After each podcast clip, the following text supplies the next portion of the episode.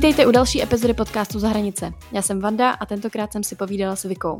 Ta studovala v zahraničí už na střední škole, kdy strávila rok studiem v Americe. Bakaláře se rozhodla studovat na Slovensku a navazující studium jí zavedlo zase za hranice, a to až do Skotska. Ptala jsem se jí na to, jak její studium ovlivnil COVID. Hodně. Co studovala, jaký je rozdíl mezi studiem na Slovensku a ve Skotsku a proč vlastně se rozhodla jít do zahraničí. Vika taky nedávno nastoupila do práce. Mě zajímalo, jestli jí studium v zahraničí v hledání práce nějak pomohlo.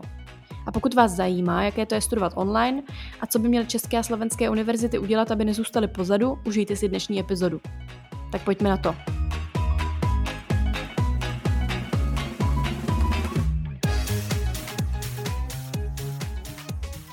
Tak jo, Viko, vítám tě v podcastu Za hranice. Podařilo se nám teďka trochu zdlouhavě překonat technické problémy, ale máme to všechno snad nastavený. A uslyšíme se, tak tě ještě jednou vítám. Ďakujem pekne, dobrý deň, ahoj. Já na tebe mám takovou čerstvou pro tebe otázku, protože ty si nedávno měla promoce na univerzitě ve Skotsku a mě by zajímalo, jaký to bylo. Uh-huh. Uh, áno, vlastne už je to takmer mesiac, čo som mala promocie uh, na University of Glasgow. No a musím povedať, uh, že to bol uh, veľmi pekný a silný zážitok, ktorý v podstate uh, rezonuje vo mne až dodnes. A vzhľadom k tomu, že som celé to štúdium absolvovala online, tak to bolo o to pre mňa vzácnejšie a celý čas som tak dúfala, že tentokrát mi to už ten COVID teda neprekazí a až keď som potom sedela v tom lietadle, tak len vtedy som tak sku- um, začala skutočne veriť, že dobre, tak prvýkrát teda uvidím tú svoju školu aj inak ako v online svete. No a čo sa týka teda tých uh, promocií, tak skutočne musím vyzdvihnúť výbornú organizáciu tejto udalosti zo strany univerzity a čerešničkou na torte určite bolo uh, vychladené proseko, ktoré potom čo bolo vlastne ako pozornosť tej univerzity, ktorým som potom vlastne o, zapila tento môj životný úspech s rodinou a s partnerom. Takže bolo to veľmi pekné a len málo kto si môže teda povedať, že mal promócie na mieste, ktoré skutočne pripomínalo Rockford a celé to malo nádych takého Harryho Pottera. To je super, akorát je teda škoda, že se, že vlastně pro tebe covid znamenal to, že jsi se tam podívala na promoce poprvé. Jak, jaký to je, jaký to je pocit, že jedeš do školy až na promoce?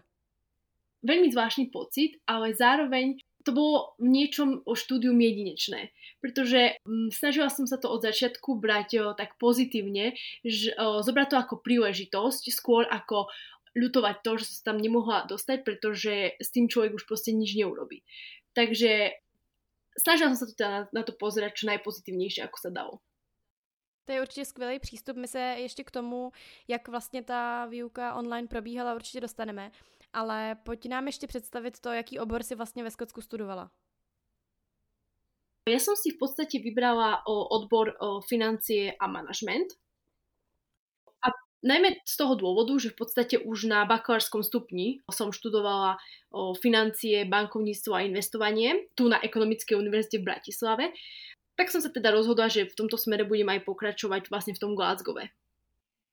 Jak jsi se o tom svým oboru vlastně rozhodovala? Už na střední škole si věděla, že půjdeš tímhle směrem, nebo měla si třeba nějakou zkušenost s kariérním poradenstvím? Išla som vyučovacou metodou. Myslím si, že mnoho študentov rieši túto dilemu už počas strednej školy, že čo chce vlastne robiť, lebo je to relatívne dôležité rozhodnutie a ovplyvňuje potom celý ďalší vývoj. A u mňa to bolo naozaj vyučovacou metodou a zároveň moja sestra študovala tiež ekonómiu a už od začiatku mi to bolo tak akože bližšie. Máme to ako keby aj v rodine, takže aj to bol dôvod a ostatné odbory ma až tak nezaujímali, takže tak som k tomu nejako dospela prirodzene. Mě to teďka přivádí k otázce, jestli můžeš srovnat výuku na univerzitě na Slovensku a právě ve Skotsku. Napadá ti nějaký zásadní rozdíl? V podstate to celé druhostupňové štúdium v UK o, trvá v porovnaní s našim len jeden rok a výučba bola skutočne veľmi intenzívna a aj škála predmetov bola o, veľmi široká. Ak by som mala o, spomenúť aspoň pár z tých o, napríklad predmetov, ktoré som tam mala, o, boli, to, boli to napríklad financie, o, podnikové financie a investície, finančné riadenie a rast a ďalšie iné. A čo sa týka výučby, tak tá sa teda úplne odlišuje od tej na Slovensku. Ja neviem celkom posúdiť uh, aj ostatné, teda iné odbory, ale aspoň uh, za ekonomický smer uh, môžem povedať, že zatiaľ čo na Slovensku sa v podstate veľký dôraz kladie na učenie veľkého množstva informácií, veľakrát bohužiaľ memorovaním, čo napríklad ja nepovažujem za nejaké efektívne, tak s takýmto štýlom sa skutočne nestretnete v Anglicku a povedala by som, že toto nie je viditeľné ani v Amerike. A naopak, tí o, profesori a učitelia celý čas nám ako keby opakovali, že čo musíme vedieť, je kriticky o, myslieť, myslieť analyticky, vedieť o, ako keby argumentovať, efektívne komunikovať a taktiež veľký dôraz kladli, kladli napríklad na tímovú prácu alebo na prezentačné zručnosti. Takže ak by som to mala tak zhrnúť, tak určite je to lepšie nejaká voľba pre prax. A jsou tohle i třeba důvody, proč si se hlásila na magistra na univerzitu v zahraničí, nebo co ti k tomu vedlo? Áno, určite áno. Ja som v podstate tá celá moja túžba študovať v zahraničí sa zrodila už počas štúdia na strednej škole. A kedy som vlastne vycestovala do Spojených štátov, na severovýchod do štátu Maine. A mne sa to veľmi páčilo. Ja si trúfnem povedať, že teda to bol o, najlepší rok môjho života. A práve sa mi páčil ten iný štýl tej výuky. A keď som sa vrátila späť na Slovensko, tak som si nebola istá, či chcem ísť študovať aj na vysokú školu do zahraničia, ak mám to tak úprimne povedať, tak som sa toho celkom bála.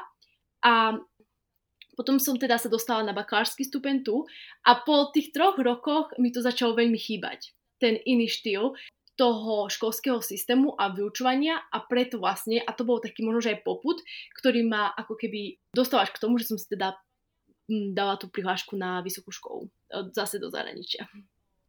A můžeš popsat, jak probíhaly přijímačky, jak si, jak jsi si vybírala tuhle konkrétní univerzitu a s čím ti třeba pomáhal tým Education.cz? Zatiaľ čo na Slovensku a myslím si teda aj, že v Česku, ak to tak nie je, tak ma môžeš Vanda kľudne opraviť, ale myslím si, že pod príjmačkami si väčšina z nás predstavuje konkrétny vedomostný test. Na základe toho, aký odbor v podstate sa študent rozhodne študovať. Čiže napríklad ja, keď som sa hlásila tu na Slovensku na bakalársky stupeň, tak som mala nejaký základ ekonomie a povedzme nejakú matematiku. Ale toto vôbec neplatí pre univerzity vo Veľkej Británii a dovolím si tvrdiť, že ani pre tie univerzity v USA. A základom tam sú výsledky z predošlého štúdia, teda nejaké GPA, teda nejaký priemer známok. Ďalej skúmajú to, či ten študent študoval podobný odbor aj predtým súčasťou je jazyková skúška IELTS. O, ja som teda konkrétne robila skúšku IELTS, ale je ich tam viacej. O, možno, že aby mali poslucháči nejakú predstavu, tak je potrebné si obhajiť tú úroveň niekde medzi B2 až C1. A ďalšími podmienkami potom môžu byť referencie, napríklad od pedagógov. Ja konkrétne som o, potrebovala doložiť dve referencie a súčasťou zvyčajne je aj kvalitný a presvedčivý motivačný list. No a tu by som to práve prepojila aj s tým, že ako mi pomohol ten education. V podstate od samého začiatku až po úplný koniec uh, začalo to tak, že ja konkrétne som nebola naviazaná na žiadnu nejakú krajinu, či by to bolo Anglicko, Škótsko, na to mi nezáležalo. Čo bolo pre mňa dôležité, bolo to, aby mala tá škola celkom dobrý ranking, teda nejaký, aby bola nejaká dobre, mala dobré hodnotenie v tom svetovom rebríčku. A tak vlastne som mi bol pridelený konzultant, odborník v tejto oblasti z Education.cz. Vytvorili sme si spolu rebríček škôl, na ktoré by som sa mohla dostať od najlepších po v podstate také priemernejšie a University of Glasgow bola vlastne tá najlepšia, na ktorú som sa v podstate potom aj dostala, takže za to som veľmi vďačná. A skutočne mi Education pomohol aj s tým, ako vytvoriť naozaj dobrý, kvalitný motivačný list, čo je veľmi dôležité. Ďalej mi pomohol s tým, ako to financovať, pretože aj to k tomu patrí. A zároveň po Brexite je potrebné žiadať aj o víza, takže mi pomohlo aj so všetkými administratívnymi záležitosťami, čo v podstate je v tom čase, keď človek prežíva vlastne to, že ide do toho zahraničia a môže cítiť nejaké obavy veľmi, veľmi dôležité. A takto by som chcela aj poďakovať Filipovi, že mi teda pomohol a odviedol svoju prácu bravúrne. Skvělý, tak to jsme moc rádi, že se to všechno povedlo a že jsi se dostala vlastně tam, kam, kam si chtěla a, byla si s tím studiem spokojená. To mě přivádí právě k tomu, jak by zhodnotila ten svůj rok studia. Jak probíhal? Ako som povedala, jedinečne, práve tým, že bol ovplyvnený tým covidom. Ja som to celé odštudovala z malej dediny, odkiaľ ja pochádzam, takže zo Slovenska. Takže celé to bolo online, ale i napriek tomu tá škola si zobrala pol roka ako keby nejakú prestávku na to, aby všetko prispôsobili na tú online výučbu. Takže toto bolo naozaj veľmi dobre zvládnuté. A v podstate mala som možnosť sa napríklad aj uh, s, um, spojiť s tými spolužiakmi, vytvorili sme si skupiny, snažili sme sa podporovať, i keď v tom online svete. No a v podstate celé to štúdium bolo v založené na tom, že som v podstate chodila na prednášky, na online prednášky, na online cvičenia. Mala som k dostupnosti o veľkú databázu rôznych štúdií, článkov a tak ďalej. Takže toto naozaj bolo super.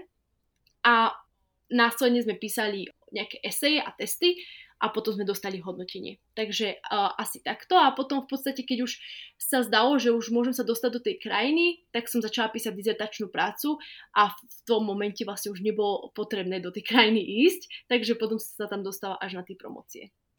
Na jaké téma si psala svoji práci? Písala som prácu na dopad o mojej inteligencie, na plánovanie práce v budúcnosti, aký to bude mať vlastne do, o, dopad na schopnosti zamestnancov, zručnosti zamestnancov, ktoré budú atraktívne pre zamestnávateľov, ktoré napríklad o, možno pôjdu do úzadia a o, rozoberala som aj otázku do akej miery nahradia prácu napríklad roboti alebo teda tá umelá, umelá inteligencia. To znie ako veľmi zajímavé téma. Uh-huh, áno, bolo to veľmi zaujímavé a myslím si, že je tu ešte veľmi veľký priestor na ďalší výzkum. Uhum, určitě.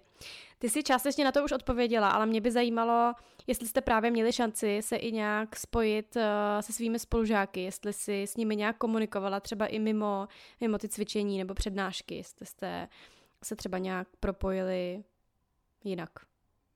Áno, vlastne i napriek tomu, že väčšina z nás teda študovala z domu, lebo je potrebné povedať, že boli aj jednotlivci, ktorí sa dostali do Škótska už predtým, takže oni tam boli.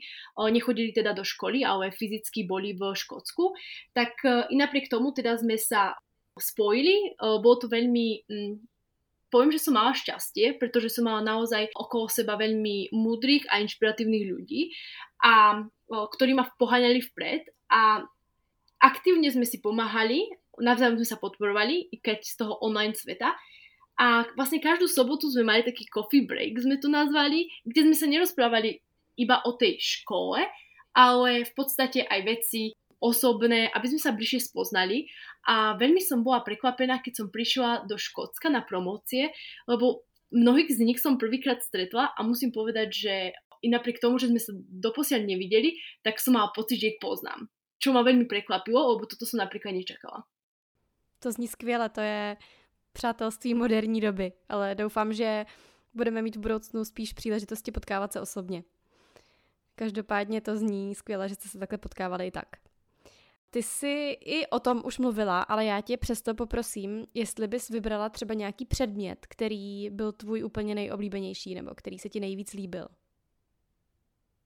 V podstate tie predmety boli všetky veľmi zaujímavé. Ako to nehovorím teraz len, len tak, ale je to naozaj pravda. V podstate tie predmety boli veľmi inovatívne, boli veľmi o, moderné a nemala som jeden taký obľúbený predmet, i keď možno to nie je taká atraktívna odpoveď, ale reálne som ich mala rada. Možno by som povedala, že mala som napríklad čisté financie to mi až tak napríklad nesedelo, ale nie z toho dôvodu, že by to bol nejaký zlý predmet, ale skôr z toho dôvodu, že to bolo veľmi všeobecné a časť obsahu som mala už aj predtým, ale mňa teda vo všeobecnosti, ako môžete posúdiť aj na základe mojej uh, dizertačnej práce, respektíve témy dizertačnej práce, mňa veľmi zaujímajú technológie, inovatívne veci, takže mne to veľmi sadlo.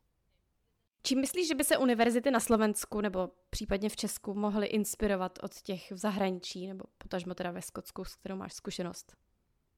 Tu by som uviedla takú zaujímavú vec, ktorá sa mne stala a to bola tá, že keď som odchádzala zo Slovenska a išla som vyskúšať ten iný školský systém, tak som mala také ako keby nejaké nemôžem povedať, že predsudky, ale skôr nejaký taký názor, že myslím si, že toto u nás nefunguje. Alebo že myslím si, že napríklad bude, budú tam lepší profesori napríklad, že to budú väčšie kapacity alebo tak ďalej. A musím povedať, že som sa veľmi milila.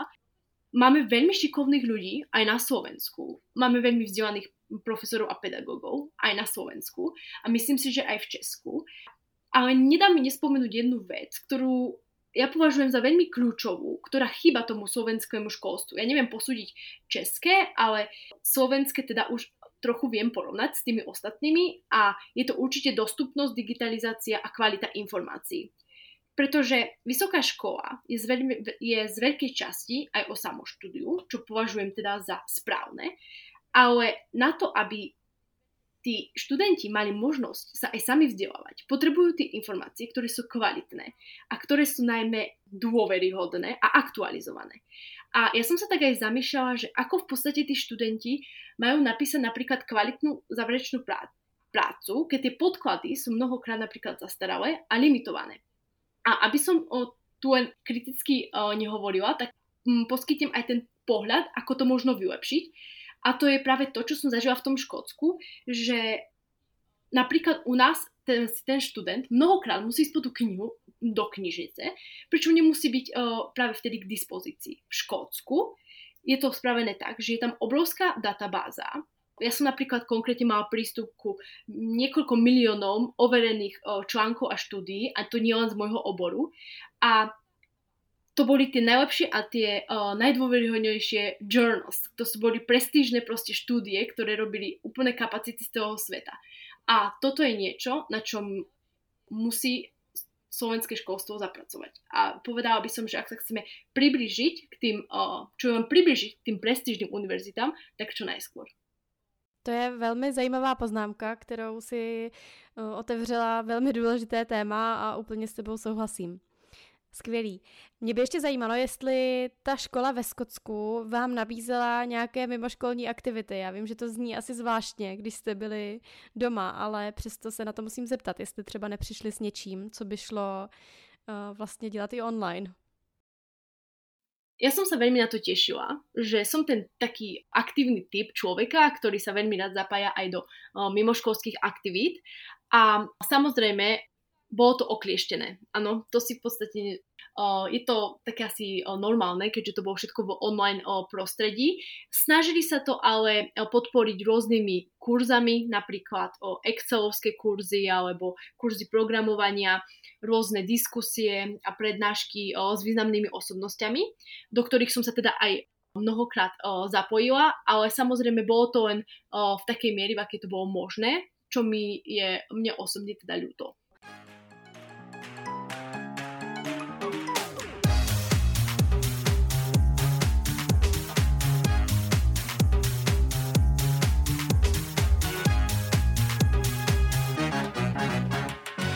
Napadá tě ještě něco, co v tobě zanechalo nějaký silný pocit nebo emoci z toho studia? Proč, co si vlastně z toho, kromě těch všech eh, vědomostí samozřejmě, kterých, který jsi eh, nazbírala z těch zkušeností, tak napadá tě něco, co bys chtěla vlastně říct studentům, kteří třeba teďka váhají nad tím, jestli, jestli by měli jít do zahraničí? V prvom eh, rade by som povedala, že Glasgow žije študentmi, áno. Myslím si, že to je nie len Glasgow, ale mnoho študentských miest. A keď som tam prišla, tak som hneď od prvej sekundy som pocitila, že taký pocit, že áno, že tu som študovala, aj keď som tu v podstate nikdy nebola. Je to veľmi také welcoming. A v podstate, ja by som povedala takýmto študentom len asi jedno, go for it, pretože skutočne, teraz vážne, nemajú čo stratiť. Jednoducho, je to vynikajúca škola života. A či už to je online alebo to nie je online, do istej miery je to challenging, bez sa ospravedlňujem, že som teraz použila anglické slovo, ale nenapadá ma úplne ten slovenský ekvivalent, ale to, čo vlastne prekonajú, tie prekážky, tak to ich veľmi posilní, posunie ich to niekde úplne inde, zmení sa im úplne pohľad na o, život a svet. A ja si dovolím tvrdiť, že budú z toho ťažiť potom ešte niekoľko rokov, ak nie o, celý život, ale na to ešte teda nežijem toľko, aby som to posudila, ale som o tom veľmi silno presvedčená. Myslíš, že to, že si už strávila nějakou dobu v zahraničí na střední škole, mělo vliv na to, že si se vůbec rozhodla jít na vysokou do zahraničí a na to, jak si to tam prožívala, jak si tu zkušenost vlastně čerpala? Áno, ako som povedala, ten rok v Amerike bol doposiaľ najlepší v mojom živote a mňa to namotivovalo skúšať o, nové veci a ako som už aj povedala, mňa to jednoducho vyformovalo. Pretože keď som tam išla, som bola ešte relatívne mladšia a človek sa musí postaviť na vlastné nohy a už keď sa raz postaví na tie vlastné nohy, získa tú samostatnosť, tak už sa nevráti do toho, čo bolo predtým. Už len chce ísť ďalej a chce sa posúvať. A to bolo presne to, že ja keď som sa rozhodla ísť na tú vysokú školu, teda na Slovensku, tak ja som sa cítila, že som zabrzdila. A to jednoducho som tak eh, pocitila a v tom momente som vedela, že dobre Vika, teraz musíš niečo vymyslieť, aby si sa zase posunula ďalej. A určite ma ovplyvnila aj tá moja super skúsenosť z Ameriky. A myslím si, že to bol základ toho, že som aj nabrala tú odvahu.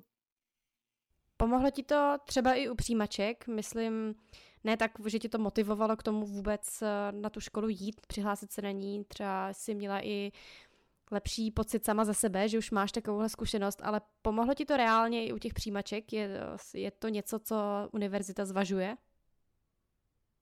Ja si myslím, že určite áno. Ako nikto mi nikdy nepovedal zatiaľ, že áno, berieme vás, lebo ste študovali o, v zahraničí. Takto priamo vám to nikdy, nikto nikdy nepovie, to nečakajte, alebo teda možno, že vám sa to stane, mne sa to nestalo.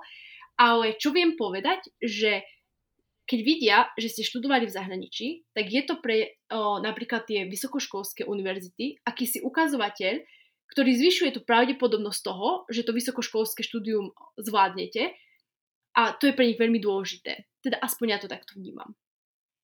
Můžeš ještě popsat, jak probíhá výuka na boarding school v Americe. Je to teda soukromá škola střední v Americe. Jak eh, se to liší třeba od té střední školy, kterou si navštěvovala na Slovensku? Co si tam studovala? Jaký bylo to zázemí? V podstate ja som išla ako keby takou tradičnou, o, všeobecnou o, cestou o, strednej školy, takže som mala rôzne predmety. Ale teda o, zatiaľ čo na Slovensku vám tie predmety ako keby automaticky pridelia na začiatku roka a nemáte možnosť nejakej voľby, tak e, v Amerike si ten rozvrh ten študent kreuje. Do veľkej miery. Samozrejme sú tam niektoré povinné predmety, ale vie si navoliť e, študent predmety aj sám a vie si dokonca navoliť aj ich obťažnosť. Tá škála predmetov je veľmi, naozaj veľmi široká a čo by som povedala, že je možno že dôležité aj pre poslucháčov je to, že napríklad na mojej škole tie predmety boli veľmi podobné tým, ktoré sa vyučujú aj na Slovensku, čo je veľmi podstatné preto, aby ste potom vlastne ľahšie zvládli tie uh, rozdielové skúšky, aby vám uznali čo najviac predmetov. No a vrátim sa späť uh, uh, k tým predmetom, takže naozaj veľmi široká škála predmetov, samozrejme napríklad uh, nemohla som si tam navoliť slovenský jazyk, hej, ale to asi uh, nikto ani nečaká. Na druhej strane sa mi páčilo, že vy si viete navoliť aj predmety, ako napríklad čo, niečo, čo vás zaujíma už, už na tej strednej škole, o, napríklad robotika, umenie, fotografovanie, prípadne hra na nejakom hudobnom nástroji. Napríklad ja som si teda vybrala o spievanie v zbore, aby som trošku aj odľahčila len naozaj takú akože o, o tie predmety, ktoré sú také seriózne a toto jednak odľahčila, jednak zrelaxovala a jednak keď spievate v zbore, ktorý má vlastne, ktorý sa skladá zo 100 študentov, tak je to zase niečo, čo vás včlení do toho kolektívu a pomôže vám lepšie potom zvládnuť to štúdium. A čo sa týka napríklad takého dňa školského, tak je to veľmi podobné ako na Slovensku alebo v Česku. Akurát o, po škole vás o, teda zapoja, alebo sa máte možnosť zapojiť do rôznych mimoškolských aktivít, Najčastejšie jsou například športy. Ty si říkala, že to byl pro tebe nejlepší rok v tvém životě, takže asi moje následující otázka taky není úplně na místě, ale mě by zajímalo, jestli třeba pro tebe nebylo těžký na už na střední škole odjet na rok od rodičů. Jak jsi se s tím vyrovnávala? Tu vždycky moja mama vraví, že ona bola veľmi prekvapená, že ona sa bala viacej ako ja A ja keď som tam prišla, ja som tam tak strašne túžila ísť, že keď som tam prišla, ja som už na druhý o, deň vypekala mafiny. Ja som fakt, ja som prišla, vlastne môj jediný taký bol, že prekonala som let, už som vlastne bola v tej Amerike a ja som bola ako doma od druhého dňa. A proste celý čas som, sa, som si nastavila tú mysel tak, že teraz je ten čas, Vika, máš rok na to, aby si to využila a celé som to zobrala veľmi pozitívne a Samozrejme, chýbala mi rodina, ale inak uh, som sa cítila naozaj ako doma. A určite to bolo aj vďaka tým ľuďom, na ktorých som mala uh, skutočne šťastie a doteraz s mnohými udržiavam priateľstvo a som v nimi v kontakte. Na to jsem se právě chtěla zeptat. A napadlo mě ještě, jestli jste se nedomluvili třeba se spolužákama z vysoké školy ve Skotsku, že se tam ještě někdy podíváte, když jste neměli šanci tam studovat celý rok, tak jestli plánuješ třeba nějaký výlet zase do Skotska?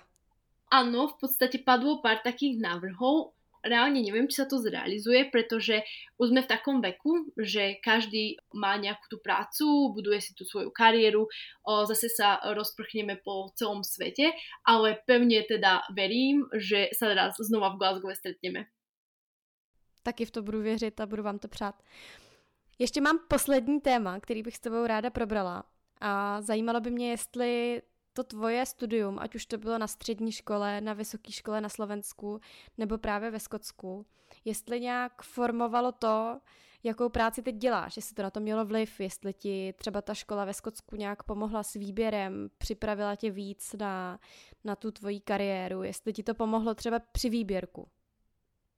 Určite mi to pomohlo. Ako všetci, musím povedať, že teda akurát mám za sebou o, proces na trhu práce, hlásenia sa, hľadania si práce a no, musím povedať, že každý jeden môj potenciálny zamestnávateľ sa ma spýtal na moju skúsenosť a to najmä teda na tej vysokej škole.